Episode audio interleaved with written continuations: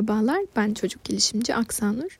Gelişimsel Sohbetler podcast'imde 6. bölümdeyiz. Bir hafta gecikmeli oldu ama olsun, geç olsun, güç olmasın diyorum. 6. bölümde tuvalet alışkanlığı kazanım süreci hakkında konuşacağım. Ama bu bölüm ıı, bir farklılık olacak benim için. Çünkü normalde konumu belirledikten sonra oturup bir metin yazıyorum ve ses kaydımı o metin üzerinden alıyorum. Ama bugün ilk defa hiçbir metin yazmadım. O yüzden tamamen şu anda işte aklıma gelenleri, konuyla ilgili öğrendiklerimi, bildiklerimi aktarmaya çalışacağım. O yüzden birazcık hata payı yüksek bir podcast olabilir. Belki kelime hataları, belki duraksamalar, bir söyleyişte hatalar olabilir. Şimdiden sizden af diliyorum. Öyleyse başlayalım. E, tuvalet alışkanlığı süreci e, bazı aileler için gerçekten zorlayıcı olabiliyor.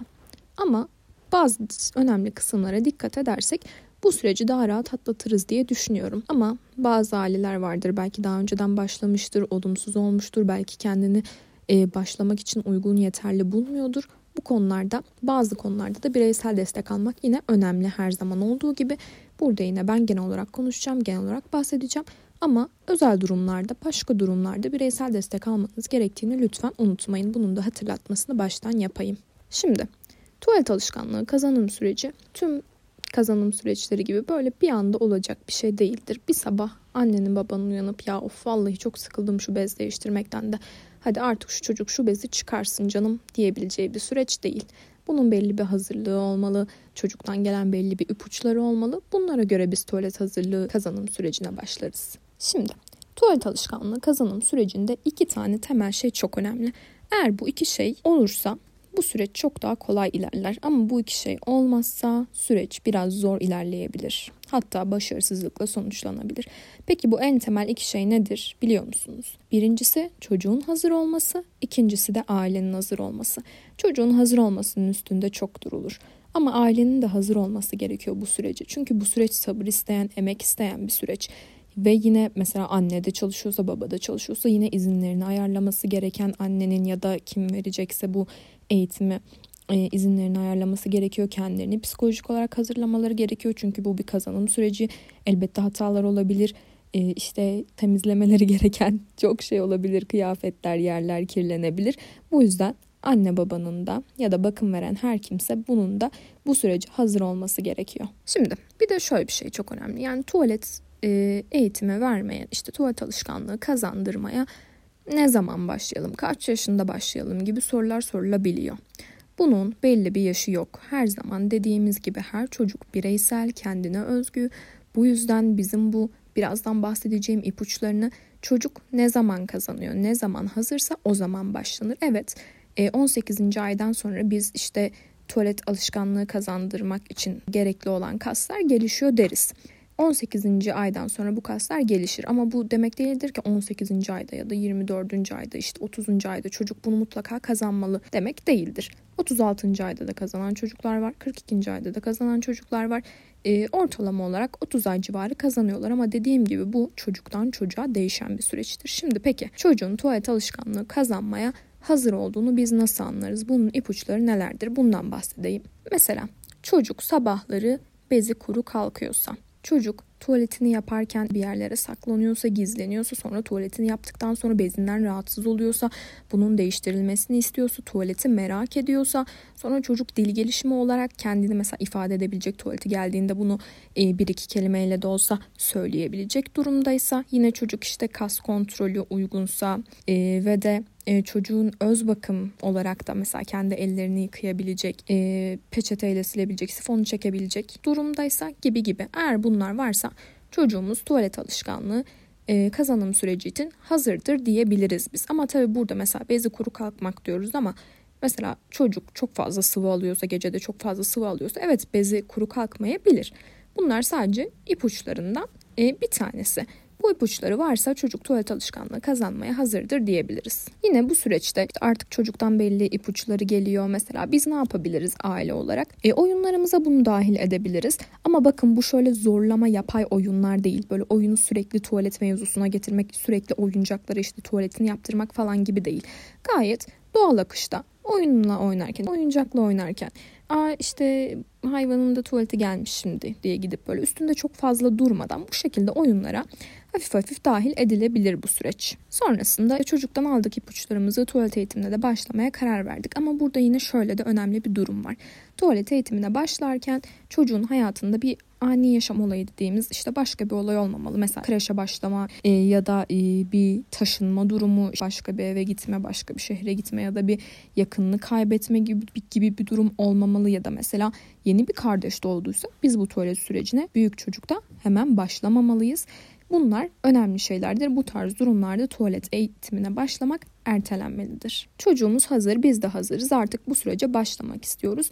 Yine bir anda hadi yarın e, sen artık tuvalete yapacaksın denmez tabii ki de çocuğa. Buna da çocuğu hazırlamak önemli. Burada farklı farklı yöntemler kullanılabilir. Bazı aileler böyle takvimi kullanıp işte şu kadar gün geçince başlayacağız diyebiliyorlar. Bazıları e, bezlerinin sayısını gösterip bak işte şimdi senin bu kadar bezin kaldı. Sen bundan sonra bizim gibi, annen gibi, baban gibi e, tuvalete yapacaksın artık tuvaletin geldiğinde gibi söylenebilir. Bezler böyle yavaş yavaş azaltılarak e, bu sürece başlanabilir. E, çocuk da onaylıyorsa e, işte tamam diyorsa ne güzel ama çocuk hayır ben daha çok küçüğüm gibi işte olumsuz tepkiler verebilir istemeyebilir. Bu durumda biraz esneklik sağlanabilir. Aa bak son kaç bezin kaldığında bırakalım. Ne zaman yapalım gibi çocuğa da danışılabilir. Bu şekilde de ilerlenebilir. Yine mesela bunun öncesinde bir alışveriş süreci de oluyor. Sonuçta çocuk artık işte iç çamaşırı kullanacak. İç çamaşır alışverişine çocukla birlikte çıkılabilir. Çocuğun sevdiği e, çizgi film karakterlerinden, e, çocuğun sevdiği hayvanlardan bir şeylerden iç çamaşırı alınabilir. Çocuk motive edilebilir. Ve yine burada ailenin e, karar vermesi gereken bir durum var. O da klozetle mi başlanacak yoksa lazımlıkla mı başlanacak? Bu da yine ailenin karar vermesi gereken bir durum. Aileden aileye bu değişebiliyor. İster klozetle başlayın, ister lazımlıkla başlayın ama e, bana sorarsanız ve çevremdeki hocalarımdan da duyduğum klozetle başlamak daha uygun olabilir. Çünkü sonrasında tekrar bir lazımlıktan işte klozete geçiş süreci olacak. Bu yüzden klozete e, biliyorsunuz, duymuşsunuzdur klozet aparatları var. Bu klozet aparatları alınarak sonra yine merdiven gibi, takoz gibi çocuğun ayağında basabileceği aparatları bunların hepsini klozetinize takarak da bu sürece başlamanız daha uygun olabilir. Bezlerin sayısını gösterdiniz. Bezler eksildi eksildi bitti. Bu da son bezindi. Bunu da kullandıktan sonra sen de artık bizim gibi tuvaletin geldiğinde tuvalete yapacaksın e, diye çocuğa söylenebilir. Sonrasında bezi çıkardıktan sonra uzmanlar diyorlar ki tabi bu konuda bazı uzmanlar fikir ayrılıklarına düşüyorlar ama benim de mantıklı bulduğum gündüz bezi çıkardıysak artık gecede bezi çıkarmamız lazım. Çocuğumuz artık bezi tamamen bırakmalı. Bezlerin hepsini kaldırmalıyız. Bezleri görmemeli de gündüzde bırakmalıyız, gecede bırakmalıyız. İlk günler e, hatalar olabilir, altına yapmalar olabilir. Bunlar normaldir. Beklenen bir şeydir. İşte tuvalete geldiğinde hemencik gitsin diye böyle kıyafetsiz gezdirmek gibi bir uygulama doğru değil. Çocuğun kolayca çıkartabileceği bir şortu, bir kıyafet giyinmesi daha uygun. Kesinlikle kıyafetsiz ve iç çamaşırsız gezmesi uygun değildir. Yine çocuğum işte tuvalete geldiğinde hemen rahatça ulaşsın, gitsin diye e, böyle lazımlığı başka yerlere salona, kendi odasına çocuğun gibi koymak da bunlar da uygun e, değildir. Lazımlık kullanıyorsanız eğer lazımlığın e, banyoda olması, tuvalette olması gereklidir. Yine bu süreçte çocuğun e, tuvalet e, düzenini de bilmek önemli. Mesela çocuğunuz saatte bir tuvalete çıkan bir çocuksa siz ona böyle sürekli 15 dakikada bir falan hadi bak çişin geldi mi bak tuvaletin geldiyse söyle gibi böyle e, davranmanız uygun olmaz. Çocuk için baskıcı bir ortam olur. Yine bu ifadelerimize dikkat etmemiz lazım. Bak hadi çişin geldiyse gidelim. Çişin geldi mi? Çişin geldi mi diye çocuğa sürekli sormak uygun bir davranış olmayacaktır. Çocuğun kendi tuvaletinin geldiğini hissetmesi, bunu anlamasıdır önemli olan. Bu yüzden mesela bazı aileler gidiyorlar çocuğu mesela e, işte klozete oturtuyorlar, bekliyorlar, bekliyorlar işte oyun oynuyorlar orada. Ondan sonra işte kitaplar okuyorlar. Hani tuvalet tuvaletlikten çıkmış artık bir oyun alanına dönmüş oluyor. Sonra çocuk orada bir ara yapıyor tuvaletini. Aa işte yaptığın alkış falan oluyor. Ama burada çocuk yani hani şey hmm, telefonda çizgi film izlerken yemek yemek gibi. Ne yaptığının farkında değil ki tuvaletin hissin, geldiğini hissedip de tuvalete gidip de yapmadı ki. Yani burada çocuk ne yaptı? Oturuyordu, oturuyordu, uzun süre oturdu, sonrasında tuvaletini yaptı. Yani bu doğru bir şey değil. Bir de yine mesela çocuğa çişin var mı diye soruyorsunuz. Çocuk aslında çişi var siz de anladınız bu yüzden soruyorsunuz ama yok yok diyor gitmiyor sonrasında altına yapıyor. Hani böyle durumlarda da işte çişin var mı diye sormak yerine evet bak senin tuvaletin gelmiş anladım hadi tuvalete gidelim gibi bir söylemde bulunmak daha uygun olacaktır. Çocuk evet altına yapabilir dedik sonuçta yeni bir şey öğreniyor. E, burada böyle tepki vermek, ne yaptın sen her yeri batırdın gibi tepki vermek uygun değil. Ama fazla iyi niyetli yaklaşıp olsun ya sen altına mı yaptın olsun canım benim olur böyle şeyler ben şimdi orayı bir güzelce temizlerim bak sakın dert etme gibi fazla minnoş davranmak, fazla iyi niyetli davranmak da doğru değil. Burada hani evet e, altına yaptın sanırım yetişemedin böyle kazalar olabilir bir dahakine daha hızlı gideriz gibi gayet normal sakin bir tonda olmak önemlidir. Biraz hızlı konuştuğumun farkındayım ama e, çok da uzun olmasını istemiyorum podcastlerim. Bu yüzden böyle birazcık hızlı konuşuyorum. Umarım sizin için rahatsız edici bir seviyede değildir. Bunu da böyle araya gireyim. Sonra bir de şöyle hatalar yapılabiliyor. Ödül ceza sistemi kullanılabiliyor. İşte çocuk gidiyor tuvaletini yapıyor. Her çişini yaptığında, kakasını yaptığında a ödül, yıldız, işte e, sticker, ondan sonra hadi sana şeker, hadi sana çikolata gibi. Yani bu artık rüşvete dönebiliyor. Hani tuvalet yapmak normal bir ihtiyaç. Çocuk tuvaletini yaptığı için ödüllendirilmemeli. Şeker çikolata kazanmamalı. Çocuk o şekeri çikolatayı kazanmak için gidip tuvaletini yapmamalı. Ee, ve de gece aileler için e, zor olabiliyor. Gece evet bir tık daha zor olabilir. Bunu kabul ediyorum. Ee, geceye doğru artık çocuğun uyuma saatine doğru sıvı alımını azaltmak burada önemlidir. Ve gece evet çocuğunuz kalkarken eğer zorlanmıyorsa böyle ağlamalar, bağırmalar olmuyorsa gece kaldırabilirsiniz tuvalet için. E, özellikle ilk dönemde gece alt ıslatmaları olabilir. Bunlar görülebilir.